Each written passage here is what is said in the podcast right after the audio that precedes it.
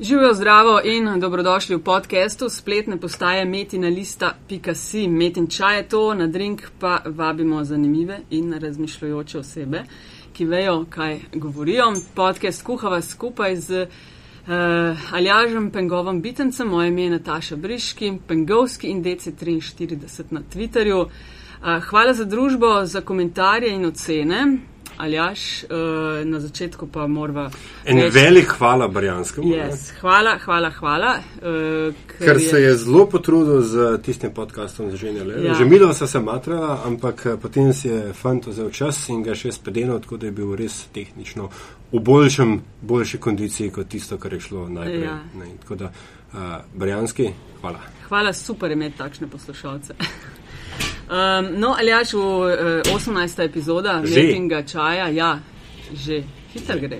Pa super jih je delati. Ja, ja, 18. epizoda klepetamo pa o uh, nenadni ukinitvi ediciji družbe Žurnal Media oziroma Styria Media Group. Uh, gosta pa sta. Matija Stepišnik, predsednik Društva novinarjev Slovenije, sicer urednik notranje redakcije na večer, ampak danes tukaj v vlogi predsednika Društva novinarjev in Sergeja Hadner, vedno zavedno novinarka, kako že je. Novinarka, ja. ja, ne, to je pri tebi pisalo. Ja, Ex-žurnal, je to prav? Zaenkrat smo še, ne? Okay. Zaenkrat smo na dopustili. Ok, uh, no, se pravi, da debatiramo o tem. Uh, mal mogoče podrobnosti več, kaj se je zgodilo uh, vmes, kaj to lahko pomeni za uh, Slovenijo, za slovensko medijsko krajino, za to, kam uh, vse skupaj gre. Uh, mogoče, če Sergeja rečeš nam na začetku, a to je res bilo, zjutraj ste prišli v službo, sestank, hvala lepa za sodelovanje, lahko greste domov. Ja, to je bilo v bistvu res, ja, mislim, tisti dan smo šli normalno službo, smo šli vsak na svoj teren, oziroma vsak je imel neko zgodbo v glavi, ki jo bo tisti dan delal. Preden je bil sestank, so seveda bili telefoni, tako da smo bili kakšno uro pred sestankom obveščeni. Da se bo to zgodilo? Da prihajajo iz Tirije, iz Avstrije, da bojo zadevo zaprli, da bo šla zadeva v likvidacijo. Uh, zdaj pa se je to zgodilo nenadoma. Ja, zgodilo se je nenadoma, mislim, zgodilo se je neke lepe majske srede. Ne. Je pa res tudi to, ne, da smo mi imeli uh, vsake tri mesece uh, sestanke, na katerih so nas obveščali pač o finančni situaciji firme. Da smo imeli, mislim, da je bilo v začetku aprila sestanek, kjer so povedali, da je stanje zelo slabo in da aprila stisnimo in da dajmo in da probajmo in to. Kaj je to pomenilo, ko so rekli, da jemo stisniti? Kaj, še več sproducirati ali še bolj seksi zgodbe, da jad povečati klike? Kaj? Ne, nič takega, nič konkretno. Sebinsko, kaj spremeniti. Bilo je to, da dajmo delati maksimalno, mi smo delali, ne vem, 150-odstotno že kar nekaj časa. Ne. Mislim, bilo nas je od uh, lanskega septembra, ko so bila ta uh, zadnja odpuščanja, malo, zelo malo, tako da smo bili vsi, ne vem. Ni bilo od 8 do 4 delovnik. Uh, 8 ur. Ne, že ne, dolg ne. Že dolg ne, že dolg nekaj časa. To je pomenilo pač, da dajmo še en mesec delati, tako kot smo že delali zadnjih, ne vem, šest mesecev, leto, ne vem, ne vem, mislim, sploh si ne predstavljam več, ker sem bila že čisto v tem, što so pač noter. No, skratka, takrat so povedali, da je bil marec zelo, zelo slab, kot vem, smo aprila bili boljši, uh, smo bili na planu, kot smo temu rekli, nekaj mi smo lovili tisti plan niževanja uh, tele izgube. Uh, Ampak so bile pač neke druge okoliščine, na podlagi katerih so se oni odločili med vsemi scenariji, ki so jih imeli, da bo pač zdaj najboljše firmo zapreti. Kaj pa so bili še drugi scenariji, da bi recimo ne vseh treh uh, edicij uh, ukinili, da bi kaj obdržali od tega? Ne, v bistvu ta scenarij, da bi ostal samo online ali pa samo uh, tednik, uh, ni bil. Mislim, o tem se je veliko govorilo med ljudmi, mm. ampak to ni bila varijanta, v kateri uh, bi stirja razmišljala. Ne. Bile so variante neke druge vrste prestrukturiranja, nek drug način podajanja informacij, um, hitrejši, uh, druga oblika, mogoče ne tiskan časopis. Mislim, bile so, bile so dobre ideje. Ampak očitno so bili pač izračuni taki, da na podlagi tega, kar, kar je bilo finančno stanje prej, ne, se ne bo dalo več graditi. Ne. In iska, mislim, bila je pa tudi politična situacija, je bila v tistem trenutku, se je pokazala, da bo pač postala še bolj nestabilna, kar pomeni, da bo. Ampak se to dobro za časopise ponovadi te nestabilnosti, a ni? Pa je skozi ena za, drama v drugo, v tretjo. Dober je za zgodbe, dober je za zgodbe, ni pa dobro za oglaševalce, ne? Kaj?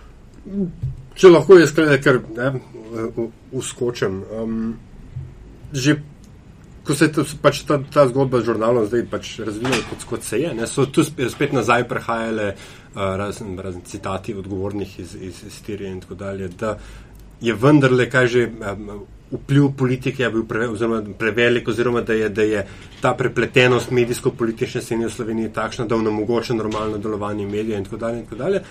Ampak zakaj bi potem takem, oziroma tako neprijeten sklep, ne, ki, ki sledi iz te tvoje uh, izjave, je, da je vendarle obstoj medija ne, bil odvisen od, ne vem, tako ali drugače od politične volje.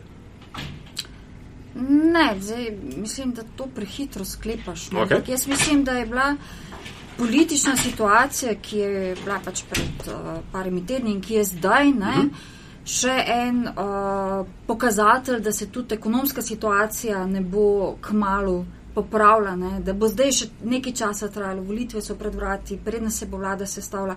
Neko zaupanje en, en krč oglaševalcev je, ki, ki ne upajo dati, ne vem, tudi tisti, ki imajo denar, ga ne upajo dati od sebe, ker ne vejo, ne, kakšen bo njihov rezultat.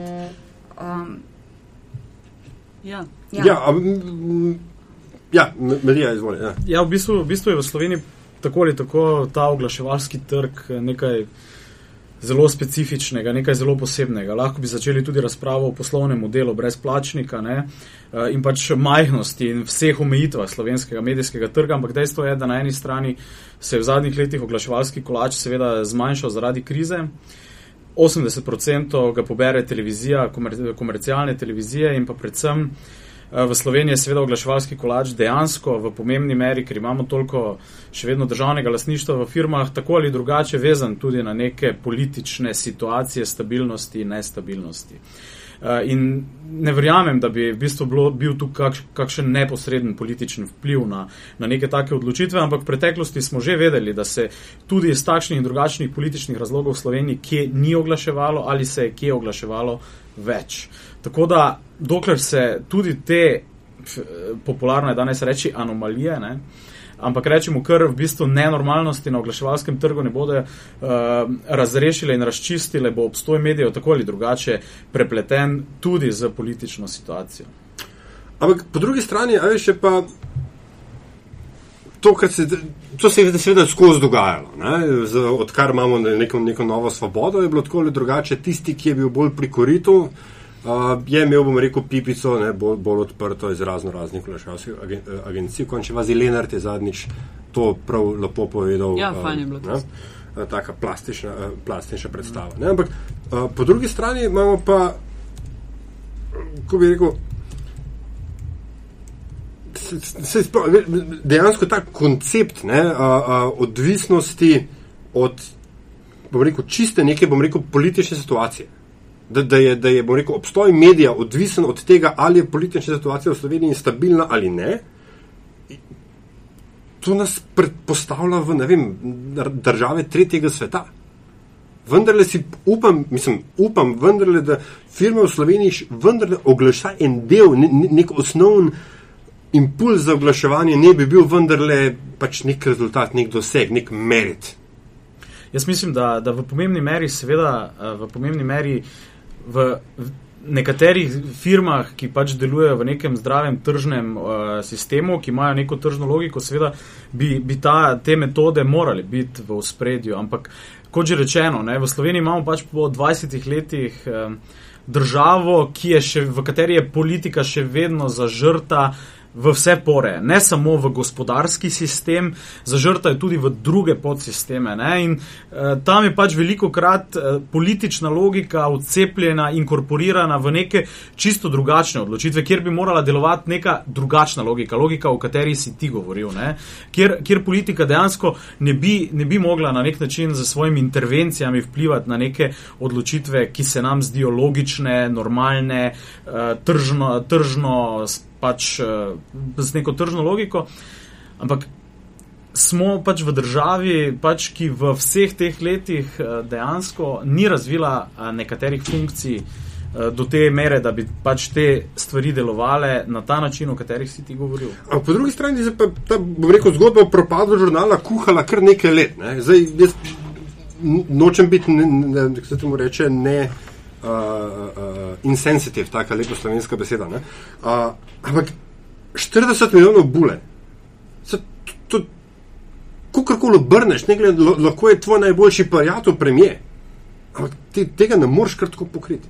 In, in, in, in, Kaj si to mislil s tem 40 milijonov ja, bulja, ta denar, ki so ga vložili? Končni pač Stirija na neke točki pokrila žurnalov, dolg, ki ga je žurnal naredil, oziroma izgubo, ne, če ne bolj natančen, ki je, čeprav razumem, da je dosegla 40 milijonov evrov. Bilančna izguba je bila ne 40 milijonov evrov, ne, to je bilo dokapitalizirano. In, in ta, ta, ta izguba se je naredila v, pogojno rečeno, politično bolj stabilnih časih. Ne, ta zguba se je delala v bistvu v letih. Ne. Mi smo zdaj to, mislim, bil je seveda nek o, vložek ne, v časopis, mislim, o, tiskanje, ustanavljanje, plačevanje ljudi je zelo velik strošek. Ja. Mi smo recimo lani imeli z prodaje, mislim, da milijon pa pol dobička. Ne. Predlani smo imeli več, ne. lani je bilo že 15% manj. Ne. Pak, uh, ta vložek, ne, ki so ga oni pač uložili v nas, ne, bi nekako mi počasi mogli pokriti, ne, počasi bi mogli priti na nulo. Ne. Zdaj pa to, kar je Matija omenil prej, ta oglaševalski kolač, ne, to je Slovenija, ne vem, mislim, je Srbija, Romunija, Bolgarija ali kdo je še ta, ne, ga pobere televizija. Ne. Zdaj, ali obstaja tu možnost neke regulative? Po mojem, obstaja. Ali obstaja interes te regulative? Dokdaj bi vi mogli, eh, ker si omenila, da je bilo pričakovano, da bi počasi tisti pripeljali denar noter, dokdaj ne bi vi začeli na zeleno veno, kdaj ne bi prišli, kdaj so bile projekcije? Ja, projekcije so se spreminjale. ja. uh, Mislim, da je bila ena projekcija, da smo se lani jeseni pogovarjali, da bi letos, v začetku leta, prišli nekako na nula. In tempo, ne? s katerim ste šli, se je pokazal, da tega ne boste sposobni narediti.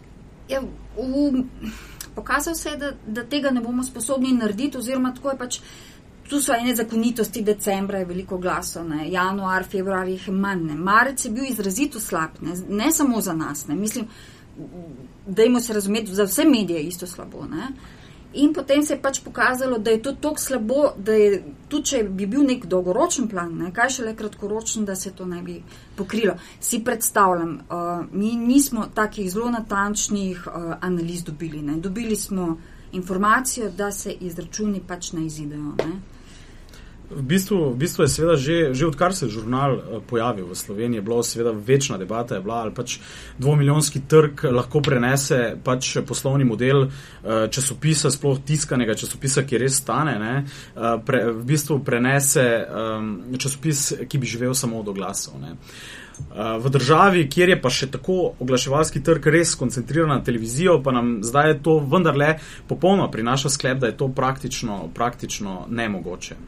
Uh, koncept brezplačnih časopisov, sama si živela v tujini, veš, uh, funkcionirajo veliko lažje v nekih res velikih urbanih, uh, kozmopolitskih, ogromnih središčih z ogromno frekvenco uh, ljudi Plus, na različnih. To so bili, saj v Washingtonu, no, za tega Zopra. lahko povem, to so bili na tak način, da je tako rekoč bil tisti brezplačnik, ki si ga dubil, ko si šel na metro, je bil pravzaprav neki od, ne vem, Washington Posta, od ene večje eh, edicije. Ni samostojno stal.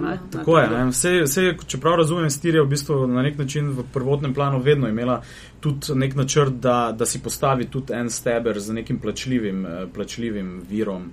Uh, za nekim plačljivim časopisom, ve se, da so lasniško pač vstopili v dnevnik, to že pred časom, da so se zanimali tudi za večer, uh, se so to javno povedali, ampak v bistvu očitno v vseh teh letih pač se jim, se jim računica na ta način ni šla. Ne. Ampak dejstvo pa je, da, da pa tudi način, na katerega je vseeno to se zgodilo, ne, kaže uh, da nek, na nek drugačen pristop. Ne. V bistvu oni kažejo, da, da v bistvu te, to zgodbo so res zaprli na način, za katerega sem pripričan, da se v Avstriji ne bi zgodil, da prideš en večer, uh, imaš sestanke čez noč in drugi dan pač uh, zaposlene obvestiš o nekem izvršenem dejstvu. Ne. Ampak zdaj, v tej najni zgodbi z Natašo, jaz včasih ponavadi igram, uh, um, včasih ponavadi, ponavadi igram hudičega advokata. Ne. A pa je bilo to res tako zelo nepričakovano. Konče, a veš, um, Jaz nimam izkušnje delanja v mediju, kjer bi bilo de, pač nekaj deset ljudi in bom rekel te interne pol dinamike, ne, ki predstavljam, da, si predstavljam, da vpliva pol tudi na, na, na klimo in na to, kako se stvari razvijajo. Ampak če ti veš, da firma, za katero delaš, da je še vedno po toliko in toliko letih, ko bi po vseh pravilih uh, um, um, industrije morale že davno izplavati na zeleno, da je še vedno rdeče številka in da, da, da potem je pa tako presenečenje, da zdaj pa konc. Um, a ni to mečken, bom rekel, skrivanja pred, pred bom rekel, bolečo realnostjo, ki smo jo, ki ste jo sklepam, živeli vsak dan. Ne, lej, boleče je bilo pač čist tako, ne, za vsakega posameznika, za vse nas, ne, ker smo pač v trenutku ostali brez službe, brez družbe, brez um, vsega, kar pa še zraven. Ne. Ampak ja, ne, mislim, se mi smo na nek način pričakovali, čeprav je tako, ne, vse te odločitve, ki jih je Stirija izvajala, so bile ponovadi konec poletja. Ne. Mhm. Nekako smo pričakovali, um, morda do konca leta. Ne.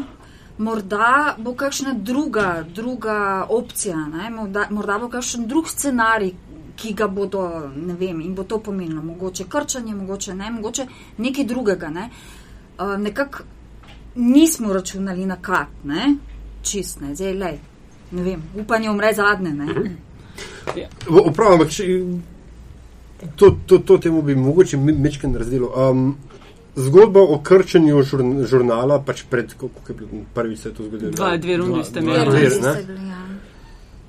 Po tvojem mnenju, ali je bila na katerih od teh kršen dosežena točka, ki je pač v bistvu bila beyond, point, beyond of point of no return? Veš, da, da, da se je žurnal tako skrčil, da tudi v teoriji ni bilo več možnosti, da splava, da je bilo v bistvu potem sam še umiranje na obroke. Da ni bilo več kritične mase ljudi, energije, produkcije, tržnikov in oglaševalcev, ne vem, sam sprašujem. Ja, kršili smo se v novinarstvu, kršili so v novinarskem delu, predvsem. Uh, zdaj se je to verjetno, mislim, zagotovo se je to poznalo na vsebini, ne? s tem, da mi uh, krčili so tudi uh, distribucijo oziroma naklado. Ne? To se ni poznalo pri bravcih. Obada bravcev nismo imeli zaradi tega. Ne? Uh, na kakšen je... način, sorry, merite, koliko imate bravcev, glede na to, da gre za brezplačnika, da ga dobiš vem, na raznih štantih in podobno? Koliko veste, koliko ljudi vas bere? Uh, to pokažejo te raziskave. Most, nacionalna raziskava ja, branosti ja. to meri. Ne? Ker recimo ja. za delo, večer, dnevnik, ki se prodaja, ja, veš ja. približno naklada, ne vem, 50 tisoč, prodaja 35. Ja, ampak telefonske ankete. So, na, nacionalna raziskava branosti v bistvu ne meri samo prodane, ne meri tega, koliko kdo proda, ampak meri tudi doseg. Mm. Meri tudi, dokoliko ljudi posamezni zvod eh, pride. Okay, Žurnal ima seveda, glede na to, da se je nahajal na javnih krajih, ne v različnih, da je bil distribuiran preko, ne vem, čakalnic, trgovinah in tako naprej, v, gost, v gostilnah in tako dalje, seveda imel izjemno visok doseg. Ampak, kot sem, kot sem rekel, ne, dejansko v Sloveniji očitno je izjemno težko preživeti samo z oglasi. Ne. Potrebuješ enostavno vir tudi od bravcev, da ti bravci so pripravljeni plačati sebino. Ne, in kar, kar je seveda. Uh, v, v, vsej, v vsej tej zgodbi slovenskega medijskega trga v tem trenutku najbolj um, trpko je to, ne, da, da v bistvu prave formule, kako, um, kako najti te bravce, ki so danes kakovost pripravljeni plačati, da je, da je, da je pač. To najti vedno težje. Mm. Sergej, vmes sem te prekinila, kaj si želela še eh, k tistmu kaj dodati? Ne vem, ki sem ostala. Ok, bomo se sproti našli. No, to sem hotela reči v bistvu eh, tisto, kar si ti, Aljaš, govoril, da če je nejasna politična situacija, hkrati pomeni uh, neke težave za časopis, da se to lahko prevaja kot politika vpliva na uh, na mediji, posredno, neposredno, ne to, kar se v bistvu na nek način ti uh, povzel, kako so. Pa jaz sem govoril o okolju, ne o No, okolju. se v okolju, Uh, kako je vse prepredeno. Ti mislim, da si uh, Sergeja hotela povedati tudi to, da je kriza vendarle zmanjšala to vrečo denarja, iz katerega se uh, plačujejo uh, oglasi, če sem te prav razumela, in da je tudi tukaj se, se, zmanj, se zmanjšali na nek način uh, prihodki. Meni se zdi, da tisto čez noč ni način. Bom pa rahla hudičeva advokatka, mogoče tudi jaz. A bi bil način to vleč leta in leta, pa na koncu žgat uh, in potegniti črto, ali je boljše tako? Ja, le se vlekli so Za leta tiste, ki leta, ne. delajo, vem, za tiste, ki delajo, vse to je Aljaš Ja. hotel na nek način povedati, ne? Pol pa To se se ti res. En, Čez en, noč, enkrat ne. je konc, ne? Enkrat je konc. Ja, se, o, verjetno so razmišljali o načinih, kako bi to izvedli. Ne. Zdaj težko je ljudem reči, čez tri tedne vas bomo ukinili, do takrat pa delajte, pa fajn se mejte. Ne. Težko bi delali. Ne. Če bi bila lastnika, kak bi naredila na tak način. Če bi bila Okay, lastnika- najprej moramo biti lastniki, pol čakaj. vemo. Ja, najprej moramo biti, veš, ker to je tako, ne. Številke pogledaš na konc meseca in to, je bil, to ni bil nek državni, javni, ne vem kakšen časopis, Ne, res privat res družba, ki da svoj cash noter, če ne prenese denarja, pika. kljuza. Matematika in kapitalizem sta tu zelo jasna. Vse tu so pointi, pointi v bistvu je- jasni. Če, če, če tako potegnemo po črto, so Avstrijci dosti vložili v slovenski trg, da bi uspeli. A, ampak na drugi strani je pa zanimivo, da se potem po, tudi po takem vložku, ne, po takem enormnem vložku, v bistvu čez noč odločiš vendarle narediti takšen konec. Ne, ne iščeš nekega mogoče novega modela, poskušaš, posku, poskušaš vendarle uh, z, z nekim, ne, trg si vendarle targetiral, si poskušal na njem uspeti, zdaj se po bistvu zelo hitro umakneš iz njega. No, ostali so v nekih drugih uh, medijskih projektih, ne, deloma njihovo lastništvo v dnevniku ostaja. Ne. Um, tako da z tega stališča je v bistvu jih seveda na neki točki mogoče razumeti, da to v nedogled ne gre, vle, ne, ne gre vleč. Ne. Ampak dejstvo pa je, da, da je bila to tudi ena redkih, kakorkoli tujih medijskih naložb eh, v Sloveniji, ne, sej nekaj jih še imamo in zdaj se je v bistvu še ta končala na takšen način, kar tudi ni dober signal, verjetno zato, da bi se kakšni investitorji iz tujine v slovenskem medijskem prostoru še lahko uh, našli, vsaj kratkoročno. Ne. Uh, kar nekaj jih je v zadnjih letih sondiralo, slovenski medijski trg poskušalo, ampak verjetno je x razlogov, da ta hip uh, verjetno jih ne zanima pri Veliko hitreje so se umakli. Ne? Ja, ali jaz ženjo so o tem klepetala, ker so naredili tisti nekak pregled Ja. ja, medijske Ja, krajine ja. v Sloveniji, se je pokazalo, da je ogromno v bistvu števila medijev za tak trg. Ne? Mogoče gre tudi, tudi tukaj iskati. Ma ja, kle, Ali misliš, da ne? Mislim, da to dejstvo se, nekak, se ne navezuje neposredno na to zgodbo, ki jo- danes tukaj delamo, ker ta neznanska količina Ja, medijev je pri nas zgodba. Ja. je predvsem dejstvo, da imamo mi na lokalni ravni milijon enih kvazi interesov, ki so kvazi javni, pa so v bistvu či, čist privatni. Ne? In, in se Ampak In, in, ampak tam so tudi, tam so tudi relativno majhni ja. denari. Problem slovenskega medijskega trga na splošno je, da ima slabo sposobnost preživetja, ampak izjemno sposobnost životarjenja. A Veš, je dobra teza. ne, Dobro, te ne, Ja. ti, ti lahko na, na nekem majhnem ognju tisti svoj, ne vem, občinski vestnik, pa 25 let ga lahko furaš in boš istim trebom bratnikom splazil 250 evrov na mesec in, in bo, za na počitnice bo. Ne? Pa občinske firme bodo dale Kaj, vedno a isto. veš, ampak pa- pa gled, ti, pred 212 ali koliko občinah imamo. Ne? Da, ok, pustimo. Ho, ampak ho, hotel sem reči nekaj drugega. No, zdaj, da bom pa poskušal pa jaz se poživeti v, v, v vašo eh, ali pa tvojo eh, vlogo, Sergeja. Lahko bi recimo počakali vsaj do vašega letnega kolektivca, ne? ko ste vsako leto en mesec niste izhajali. Ne? Pa pol vmes rekli, evo, to je bila zadnja številka, vas mogoče tri dni prej ali pa en teden prej obvestili, ne, kukor, ne vem. A veš, ne, A so pojasnili, ker- ker- ker- kaj čez noč. Ker s- s- samo, ker, veš, zdaj je tako, ne. Žrtve seveda niste samo vi, zapos, primarno zaposleni ste žrtve. Tudi bravci ne, so v končni fazi ob nekaj, na kar so bili navajeni. Sej to je zgodba, ki jo moramo obdelati, ne, v bistvu ra- ravno to, ne, da, da se počasi na ta način vsak, vsak, vsakega medija, ki je se šel v novinarstvo, ki se gre to, da bi pač posredoval relevantne zgodbe, verodostojne informacije, komentarje, da bi osmišljal ljudem stvari, ne, da bi jim odkrival zadja, je izjemno škoda. Ne. vsakem primeru je. Ta plat te zgodbe je v bistvu za Slovenijo še bolj tragična. Ne? Tragična je seveda z tega vidika, da imamo spet na cesti veliko dobrih novinarjev ne? in tako naprej, ampak ne vem pa, če se ljudje pri nas zavedajo, da si počasi vsi skupaj, tudi s tem, da ljudje niso več pripravljeni plačati za kakovostne informacije, počasi vsi režemo ve. Vsi kuhamo v enem kotlu. In tako in, in si počasi, počasi du, du, du, zastiramo zavese ne, v mm. naši državi ne, in se bomo lepo zaprli v to še en florijansko. Zadnje bo gasno luč in to bo to. Ne? Mislim, in, in to je v bistvu zgodba, ki jo je žurnal ponovno odprl. Se, se ni prvi medij, ki je v Sloveniji v zadnjih letih pač zaprl vrata. Ne.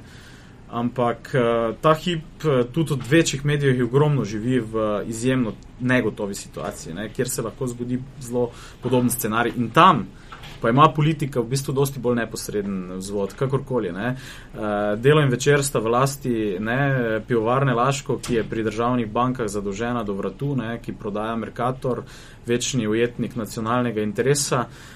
In tam bi pa v bistvu politika lahko veliko bolj neposredno posegla tudi v neke, neke zgodbe, ki se odvijajo. Uh, Uh, in to je večni strah, kakorkoli. Ne? Ampak, ni dobro, zdaj eh, klasične argumente, da je strah od znotraj voto in od zunega, vendar ga, ga nič ni. Ampak tisto, kar, kar se meni zdi, je, da bom rekel, ta krč, v katerem je zdaj politika, ne? je vendarle lahko, bom rekel, priložnost za tako medije, kot za njihove lastnike, da se tega domnevnega političnega vpliva otresajo, ker jaz imam še vedno neko mini tezo, ne, da tega vpliva seveda ni toliko, kolikor se zdi, da ga je in seveda pod, tem, pod to blagovno znamko zdi se, ne, tako kot je, kdo, kdo je bil že. Um, Uče, uh, zadnjič v parlamentu, nekdo, ta, ta, pozabil sem je, kaj kreditov odobravo v NLB-ju, rekel, nišče mu ni poklical, jaz sem odprl televizijo zrce, ja, in sem videl, ja. kam politika, kam pa stacu moli in sem na podlagi tega sem se odločil. Ne nisem poslušal to zaslišanje. Ne? Mislim, močno dvomim v to, da politika ni tudi dejansko klicala tu v bližnjo stolpnico. Uh, glej, dire, direktnega vpliva, vpliva mogoče jaz, jaz iz, iz lastnih izkušenj v zadnjih letih ne kličejo direktno, ne, ne naročajo. Ni, ni za to, da bi neka partijska vrhuška v tej državi, seveda, eh, kakorkoli, kakorkoli um, odločala vsebina. Seveda so poskusi vplivanja, so, so klici, so lobiranja, so, spi, so spiniranja, ne, ampak to je del igre posod po svetu. Ampak pri nas imamo vseeno, lasniška situacija je dušilec tega medijskega prostora. Mi imamo vendarle lasnike, vse pivovarno Laško vse čas govori, da se hoče rešiti svojega medijskega novinarskega dela. Ne? Ampak imamo lasnike, ki v tej trenutni situaciji niso sposobni reči. Recimo, pogledajte, potrebno je firmo prestrukturirati, vložiti v to, požreti mogoče naslednji dve leti slabši poslovni rezultat, dig digitalizirati zgodbo, ne vem, id v to in to, sprejeti neke poslovne odločitve, ki so v Zahodu bile sprejete že deset let nazaj. Mi pa v bistvu smo zdaj neki, vse čas neki. Veš, kaj imam jaz občutek, ja. ne, da non-stop poslušamo. Recimo, mi smo veliko, vsi, srgati mogoče malo manj na Twitterju. Ne. Non-stop jih poslušaš, novinari, kaj niste to, novinari, kaj niste ono. Ne. Moja teza je absolutno, da niso te ljudje problem. Problem so uredniki oziroma vsi nad njimi, te ljudje, o katerih ti, Matija, zdaj govoriš, ker ne vejo, kaj imajo in ne vejo, kaj s tem delajo. In pol se s tem dela, k svinja z mehom. Brez strategije situacija se je spremenila s pojavom interneta in digitalne revolucije, se je vse postavljeno na glavo in še toliko bolj v naši branži. Maš pa ljudi, ki so z glavo v, ne v 20. in 19. stoletju. Hočejo pa mlatiti dobičke z časopisi, ki jih je treba, ki imajo po celem svetu težave. In to z donosi, ki so jih ampak, imeli v časih delegiranega kapitalizma. Jaz, jaz ne, ne pristajam, pa jaz nikoli na več to debato o dinozaurih. Ne. Mark Twain je enkrat rekel, ne. Uh, ne, novice o moji smrti so močno pretirane. Tako jaz pravim za časopise. Ker, ker časopis ni zdaj več samo papir, ne, ne govorimo več o tem. Ne. Časopis, meni je vseeno, kako se temu reče. V bistvu, platforma ni pomembna. Večer, končni, znamka, v končni fazi. Ne. Mi, ne, mi ne moramo več danes staviti na, na, na, na tisk eh, zgolj, ampak fin da je v tem, da imamo pač, po moje, pri nas veliko dobrih novinarjev, ki pa enostavno ne delajo v organiziranih medijskih ustanovah, ne, ki bi enostavno v teh res kriznih časih, ko je na eni strani torej manj denarja, na drugi strani pa treba sprejeti nekatere nujne poslovne odločitve, spremembe, uvesti neke nove modele in tako naprej, enostavno imela natančen plan, kaj s tem narediti. In mi vsi malo ne, spremljamo trende, eksperimentiramo ne, in tako naprej, se poskušamo nekaj Ni pa samo. sistemsko nič. Tako, ne. Ampak, glej, zdaj, mislim, po drugi strani žurnal, ne, predmet naše današnje obravnave, pure digital. No, ko ste vi štartali, je bil internet že ven iz povoja in tako dalje. Vsi govorili se je, mislim, digitalni mediji so bili tu. A, a, um, koncept prehoda iz spletne strani na časopis in obratno je bil tam, to se je delalo. Crowdsourcali ste informacije. Vse buzzworde tega novega medijskega sveta ste uporabljali in še vedno ništa. Ne? Torej, prihodnost je dosti bolj črna, kot se zdi. Dinozauri so že izumrli, samo mi še nismo tega opazili. Ne, mogoče je prihodnost nekje druge kot, kot v tiskanem časopisu. Ne? Mislim, Ampak, prihodnost je definitivno na internetu. Ne? Vem, ampak to hočem reči. Vi ste imeli ne, best of both worlds. Vi ste imeli močen digital. A, že, spletna šta, stran žurnala 24.si je bila ena od rednih dnevnih postaj. Imeli ste cel kup de, de, se pravi, dedicated portalov, ki mimo grede ne vem, zakaj niso ostali, ne, ampak pustimo. Um, m, ljudi ste peljali na spletno stran iztiskane, uh, iztiskane izdaje, hkrati ste imeli na spletu In tudi obratno. in obratno. A veš, kot, uh, ljudi ste vabili naj vam pošiljajo uh, uh, uh, svoje osebine, svoje fotke tako dalje. Hkrati, če sem prav. Če sem se prav zapomnil, mogoče samo te ste to na nek način poskušali tudi monetizirati. A veš, tukaj ni bil samo oglaševalski denar, verjamem, da je bil, da je bil glavni, am- am- ampak en kup enih stvari, ki, ki hoteli ste community tudi na, nek način narediti. Hoteli ste imeti ta feedback bralcev reden. ne. Stvari, ki so same po sebi bile dobre, lahko mogoče kakšna bila slabo izvedena, ampak vprašanje je, ali te stvari v Sloveniji sploh delajo. Ja, mi smo recimo pred krat, kratkim štartali, ne vem, če poznate ta, uh, jaz poročam, ne? Ne. kjer smo spet to neko interakcijo z bravci. Ne? Video, konček, video, video ste imeli na, na, na zavidljivi ravni, daleko boljši od, od katerega koli resne, mislim, resnega, se prečujem, večjega tiskanega medija. A veš, ne? Ni, Kaj a veš- hočeš reči, da v bistvu samo All the pieces were there, all the pieces were there. Ampak kaj veš. hočeš reči, da v bistvu medijska hiša, ki se loteva, ne more več se samo jeti žurnalizma v kjerkoli Ne, obliki. ho- ne, hočem reči samo to, da pač lekcija, lekcija žurnala, ki je, ne, tukaj je, da je pač problem slovenskega medijskega trga, oziroma, ne vem, kje je problem, ne, ampak očitno samo to, da ti poznaš obrt in tudi dobro delaš, še ni nujno za uspeh. Ne. Prevedeno na, bom rekel, stare dame sl- slovenskega č- časopisa, ne, da je ta problem še toliko bolj izražen. Sem, sem veš kaj, problem je tudi pri žurnalu se je to pokazalo, da tudi z rezanjem stroškov, ne, z krčenjem ekipe novinarske, ne, v bistvu samo skrajšaš mogoče čas, eh, v katerem ga boš eh, še preživel. To ne. Dolgoročna se strinjam, stava ja, je ja. lahko samo stava vseeno na vsebino. Ervin Hladnik Milharčič je zadnjič napisal eno stvar, s katero se lahko popolnoma strinjam. Tisti časopisi, ki so že 20 let nazaj ugotovili, da bodo čez 20 let obstajali samo, če bodo vlagali v vsebino, so še danes tukaj. Mogoče je vmes malo stvar zanihala ali kakorkoli, ampak še vedno so tukaj.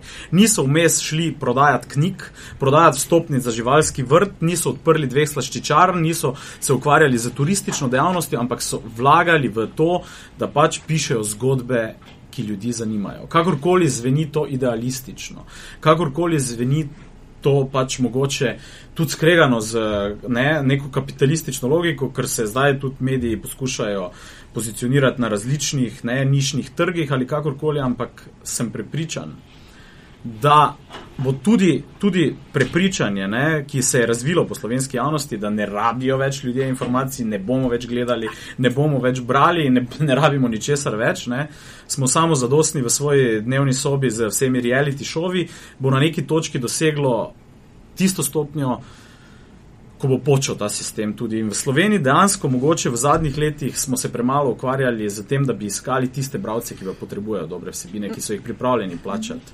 Mogoče smo se preveč ukvarjali z neumnimi bralci, pa sem, sem zelo, ali pa z nezahtevnimi, sem mogoče grdo rekel. Uh, v bistvu nisem hotel uh, tako reči. Si hotel, praznujemo. Ne, ne, ne, točno to. Nezahtevnimi bravci, ki jim Pre- lahko ponudiš pa jošk, par Tako. bezark Ja. na klik. Mogoče smo preveč poskušali iskati te, mogoče pa, pa, pa se pa moramo na neki točki ugotoviti, da pa moramo staviti, iskati, targetirati, ponujati vsebine tistim, ki pa jim 50 evrov na mesec, zato da bodo vedeli, da bodo brali, da bodo, razumeš, obveščeni.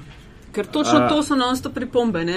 tudi po Gre skozi, ne. Nimamo, a veš. 50 evrov na mesec delajo marketing te ravno kar ljubi z njihovim Ja. Ne vem, Ja, 18, ni 18. ali pa manj, kakor, kakorkoli gledano, kakorkoli gledano, mogoče so se časopisi res poskušali, eh, časopisi, mediji, iskati samo res tisto popolnoma nezahtevno strukturo eh, javnosti, ki jo dejansko zanima, mogoče samo kakšen popust. Uh, Ja, in za zadovoljiti njih ne rabiš, pol res lahko krčeš pri novinarjih, ker manj novinarjev lahko prevaja pa tiste STA novičke. Novinarstvo brez gor, novinarjev, v bistvu, potem, potem ne rabiš več. eh, Mimo grede, to veš, da je pred kratkim robot napisal članek o potresu v San Fran- v Los LA. Angeles. Sem- sem prebral, ja. LA Times, ja. ja. Ja, tja smo. No, zdaj pa mi prosim povejte, ne, ok, žurnale ni več. Uh, v čem bo zdaj bralc, nekaj malega si omenil, ampak v čem bo zares na slabšem? Zakaj je to, razen če vemo, da je sto ljudi, bo zdaj moralo iskati, kar ni malje velika številka, bo moralo iskati uh, nove službe, novo delo. Zakaj je to katastrofa? V čem je bil žurnal drugačen, da bom, ne vem, da bo meni kot bralki zdaj nekaj manjkalo? Kaj je prinašal, kar nisem dobila na delo, dnevnik, večer, 24 ur, metina lista, radio kaos. Zdaj, prej smo govorili veliko o tem krčanju in ali se je to poznalo na kvaliteti ali se ni. Ne. Jaz bi rekla, copy-paste za STA mi nismo delali. Ne. Razen, ne vem, izjemoma, kaj Veš kaj, na spletu je bilo toliko. Na spletu, čakaj, Aha, jaz okej, zastopam ločiti. Govorim print, na spletu pa daš STA gor takrat, ko je neka Pa ne samo informacija. STA, pa tuje novice nepreverjene, pa neke raziskave na pol preverjene, pa neke bizarne raziskave, kdo je neki izmeril in podobno. Ni bilo čist košarka. No, ampak gremo zdaj v print. Ne? V printu smo delali članke tako, da smo mi šli vem, na tiskovko recimo, in si o, tisto informacijo objavil na online, na kar si ta članek delal naprej, ali si pa delal svojo zgodbo ali kakršen drug način je. Zdaj, o, veliko ljudi se ne bo strinjalo z mano, ne, ampak jaz bom rekla, da žurnal ni bil rumen medij ali pa da ni bil tabloid. Ne? Zaradi tega, ker kar rumen medij je nekaj, kar objavlja izključno ne vem, nepreverjene trače. Uh, mi nismo objavljali nepreverjenih informacij. Ne? Uh, kar smo delali, je bilo vedno, sta bili vedno objavljeni dve strani. Ne? Bili smo kratki, bili smo jedrnati, zdaj nismo šli v neke globoke analize, to nam ni dopuščal pač prostor, to ni bil koncept časopisa. Dali smo neko osnovno vseobsegajočo informacijo, ki jo je lahko dobil o, bralec brezplačno na cesti oziroma na teh naših štantih ali na internetu, kjer je bil poleg uh, teg, uh, je, je bil, kjer se je lahko odprl PDF in se prebral časopis. Ne. Uh, jaz mislim, da smo bili, uh, da smo zagotavljali neko brezplačno, dovolj kakovostno informacijo, da je ne bi kar pomekla pod preprogo. Ne. Ne, daleč od tega, tega Ja. to pa nisem rekla. Uh, da je v Sloveniji prostor za brezplačnik, ki ni tisti brezplačnik, um, brez, popolnoma brez sebine. No. Mimo bo to grede, manjkalo, ki ne? si že omenila, ne, ali so vam te zgodbe z predvoljenimi brezplačniki kaj škode naredile? Ne, Ne. to ni bila naša zgodba. Mislim, tudi, Ne vem, da ni me vaša, ampak v, Ne, v ja, smislu ne. javne percepcije brezplačnega medija. Če se vas v isti koš metal. kot Javne tisto. percepcije, lej, uh, percepcija brezplačnega medija je zelo slaba. Ne? Uh, je tako slaba, da si ljudje niso uh, zaradi tega nekega predsotka, niso pripravljeni vzeti časopisa v roke in ga prelistati. Ne? To je slabo. Ne? Ampak, če bi nekdo nekako, pa že prej sem hotela povedati, no, mi uh, političnih pritiskov pri pisanju člankov ali pa pritiskov iz gospodarstva pri pisanju člankov, ne, tega ni bilo. Ni bilo niti poskusov, da bi prišli do novinarjev. Ne. Tudi mi pri teh newsovskih um, uh, vsebinah, ki so bile na začetku, ne, niso imeli oglaševalci nič z nami. Ne. Tako da uh, je to velika razlika uh, od časopisov, kjer so pač neki, uh, neke politične strukture v lasništvu. Ne. A misliš, Matija, ki je omenila, da je slaba percepcija brezplačnikov, da je to ta finta, da ljudje, če nekaj je za ston, manj cenijo, kot če morajo za to nekaj. Obratno bi rekel, v Sloveniji imajo ljudje vse radi za ston. To je neverjetno, koliko ljudi, koliko ljudi kliče. Ne vem, če se slučajno omenjam v časopisu, da mi pošlji ono tretje. Jaz vedno rečem, trafiko imaš zelo blizu, ne, mogoče bi pa vendarle. Ne, pomagal, da bo pomagal s kakšnim evrom, ne kakorkoli. Ne, jaz mislim, brezplačniki takratni so seveda naredili celotnemu medijskemu prostoru veliko, veliko škodo. Ne. Politika pa dela škodo za to neprestano diskreditacijsko vojno, ki se jo gre uh, ne, do, do medijev, ne, z temi neprestanimi stampedi, ne, vendar le prepričevanjem svoje volilne baze, da so mediji del neke velike zarote v tej državi. Kar se pa tiče, kaj bo manj, ne, eh, kar, kar si prej vprašala. Ne, le, žurnali lahko ljudem, meni, vama, kakorkoli všeč ali ne. ne. In bom zdaj tokrat uh, povedal bolj z uredniškega vidika. Ne. Kakorkoli, ko zjutraj odpreš, pač dobiš recimo eno pahljačo medijev v, v Sloveniji, če, če zdaj v časopisih vseeno govorimo, ne, zdaj rečeš, da je pikolina, imajo pa to zgodbo, mi pa tega nijamo dobro. In, in, in si mogoče deset minut jezen, zakaj je ta informacija tam bila boljše obdelana, boljše zgodba narejena, pri tebi pa ne, ne. ampak na, v končni fazi ugotoviš, da, da, da je v, v celotni sliki super, da dnevnik razkrije v tešu to da, da delo razkrijejo NLB-jo, kakšno stvar, da mi razkrijemo o čem, ker vendarle upravljamo neko skupno, skupno zadevo. Neko, neko, neko skupno delo za javnost, da, da pač razgrnemo te rjuhe, ne, pod katerimi se skriva marsikaj. Mislim, da vsak medij, ki je, ki je prispeval ne, delček v tem, da pač elite boljše nadzorujemo, da smo razkrivali njihovo dvoličnost, kakorkoli, je delal svoj job. Ne, in, in, in, in, in počasi se kruši zdaj v bistvu ta varnostni zid, ne, ki ga mediji predstavljajo pred zlorabami, pred, eh, pred skrivanjem stvari in to. In, in to, to mene v bistvu ful skrbi. Kar smo pa tudi na društvu veliko krat razmišljali, ne, pa to, da seveda v, v tej krizi slovenskega medijskega trga, prvič, ne, čeprav sem napisal že večkrat, da imamo za nič zakonodajo, ampak zakonodaja seveda ni rešitev za to, da bodo mediji preživeli. Ne. In nočemo, država ni rešitelj in niti nočemo, je ne kličemo na pomoč. Ne. Uh, ampak v tem trenutku mediji rabimo mogoče nek nov, nov pak z javnostjo, ne. verjetno rabimo nek nov novo zavezništvo, ne, ki je verjetno se res nakrhalo v zadnja leta. Targetirati, iskati tiste ljudi, ki jim, pač, ne, ki jim ni vseeno, ki želijo medije, ki želijo kakovostno informacijo, ki ne pišejo neumnosti po, po anonimno po spletnih forumih, ampak jih dejansko zanima, kaj je nad temi forumi. Ne. Velika tema, ja, šala, ja, nova forum, odprta. Forumi pa tudi za zakon. Ja, veš, kaj bi bil ta prvi pakt za res, ne, da se ukine komentarji. Evo, to. A, si, a pa se jih drugače uredi? Ne, ne, ne, ne, uki, ne sploh ni deli ukine. Če, če, lahko, če, lahko, mogoče, če, lahko, ne, če lahko lasnik ukine medij, potem lahko medij ukine komentarje. Eh, tako, recimo, ne. Ampak nekaj drugega. No, to je tak moj, moj brezvezna intervencija. Ampak um, da ponovim, ne, prvi del natašnjega vprašanja, ki mislim, da bomo morali nekaj zaključiti. Ne. Žurnale ni več, kdo je naslednji? Jaz nočem. Kaže, ja. jaz, eh, ko, ko smo se ravno par dni nazaj smo se s kolegi potem tam na enem pivu pogovarjali, ne, da ne smemo in nočemo biti tisti, ki bomo sveče prižigali samo v naslednjih letih.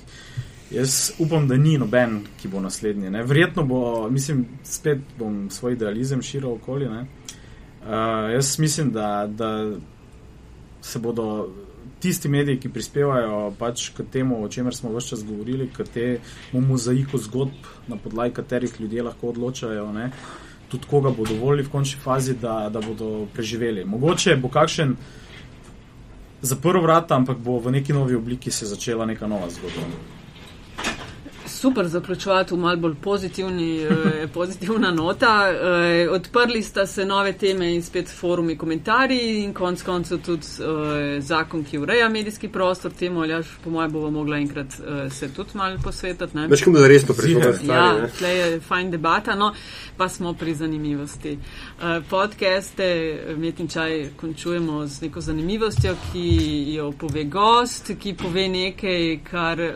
recimo ali se navezuje navezuje na področje, s katerim se ukvarja, ni to nujno, ampak je nekaj, kar on ve, večina ljudi pa mogoče ne. ne? Tako da, uh, kdo, bo, kdo bi začel? Ja, izvoli. je, če se jaz malo navežem, ne, Matija je povdaril to neko funkcijo ki jo je tudi, verjamem, upam, žurnal upravljal nadzora, razkrivanja. Uh, smo imeli tudi pa zelo dober kontakt z bravci. Ne?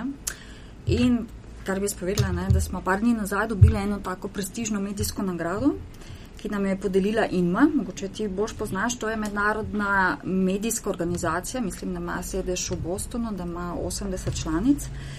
Skratka, mi smo dobili prvo nagrado v skupini za um, kategoriji, uh, uh, ki, pre, uh, ki, ki je vključevala medije, uh, ki so imeli pač nek projekt, kako čim bolj spodbuditi, angažirati bralce.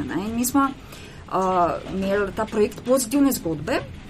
Uh, ki se je izkazal tudi sicer zelo dober, in smo vključili v te pozitivne zgodbe tudi bralce, da so se neposredno vključevali, pripravljali neke svoje slogane. Skratka, mi smo osvojili to nagrado. Uh, Žurnal. Z, žurnal, žurnal um, lahko si pogledaš na spletu, zdaj tako mogoče še kot zanimivost, da smo londonski independent premagali ne?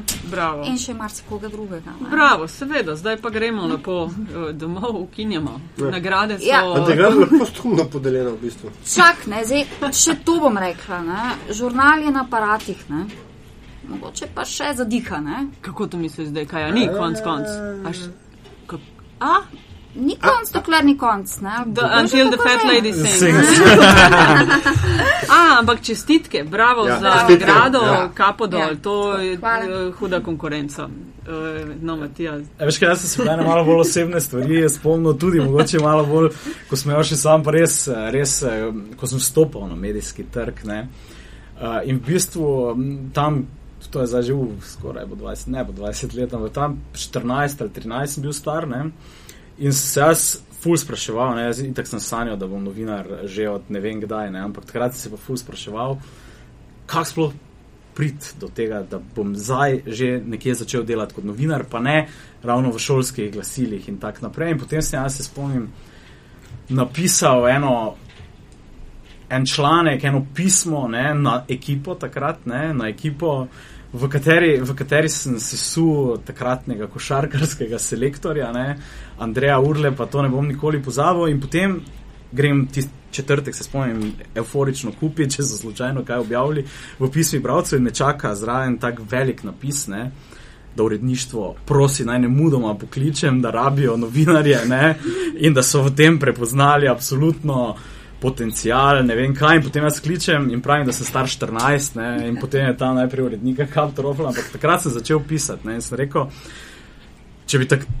Kako so takrat rekrutirali v bistvu novinarje, ne? mogoče bi, mogoče bi se ponovno zdaj mogli uh, tudi mediji ozreti po kakih uh, novih mladih, ne? jih najti odpičenih, odštekanih, po Twitterjih, po drugih uh, Uh, Pazi to, jaz sem zdaj nadgradila to zgodbo. No. jaz sem malo, kakšnih deset let malo razlike, ker letnik si ti. 81. A, ok, ni sedem, osem let. Ja. Uh, jaz se spomnim tega, jaz sem takrat delala še športno sceno na Pop TV-ju in sva sedela z obrazom enkrat na kavi in klepetala o tem, ja. kdo in kaj obraz je bil. Ne? Seveda obraz. Ja, ja, in klepetala o tem in mi je rekel, enega pa imamo mladega, ki je čist hud. In me je upozoril takrat na te in pol pa se spomnim, so se pa mi dva v bistvu prvič srečala. Pol let kasneje, dva štiri je moglo biti, ko si prišel ti v Združene države v Washington. Tako je, ja. Tako in je, ja. takrat se spomnim, da se mi je totalno fajn zdelo, ker si samo inicijativno me, me kontaktiral, rekel, da jaz sem ta pa ta, takrat še ne vem, za koga si delal, če si sploh že kaj. Tudi si še za ekipo, kaj delal. Ampak nisi ne? še takšna zvezda bil, kot si danes. Izjemno. Hvala za kompliment. Se spomnim, sva šla na kavo v Starbucks na Dupont Circle, ne, sva klepetala in si se mi zdel že takrat, da wow, to je to s tem človekom. Še ful neki bo in bo fajn z njim delati. Tako da, evo, to je nadgradnja te zgodbe. Da, uh, lej, hvala lepa obema za uh, zanimivost in hvala. tudi sicer za uh, vas ta insight. Ja, super bilo. Ne še kdo reče, da medijska zarota ne obstaja. Ne? Zarote obstajajo. Obstaja. To je vse žbo. okay. no, če ste uživali in mora biti kaj novega izvedeli v poslušanju podcasta Met in Čaj, bomo veseli vaših tweetov, všečkov, downloadov in šerov komentarji in predlogi, kako bi bili lahko še boljši, uh, pišete nam lahko na infoafnametina.si. Če želite pa ustvarjanje podcasta in vsebin finančno podpreti, lahko to storite na povezavi priloženi na spletni strani. Prisegamo, da z vašimi investicijami ne bomo financirali pornografskih kanalov, ne bomo se šli tajkunskega odkupa metine liste in tudi ne razmišljamo o prevzemu Pop TV-ja. Hvala. Čau. Čau.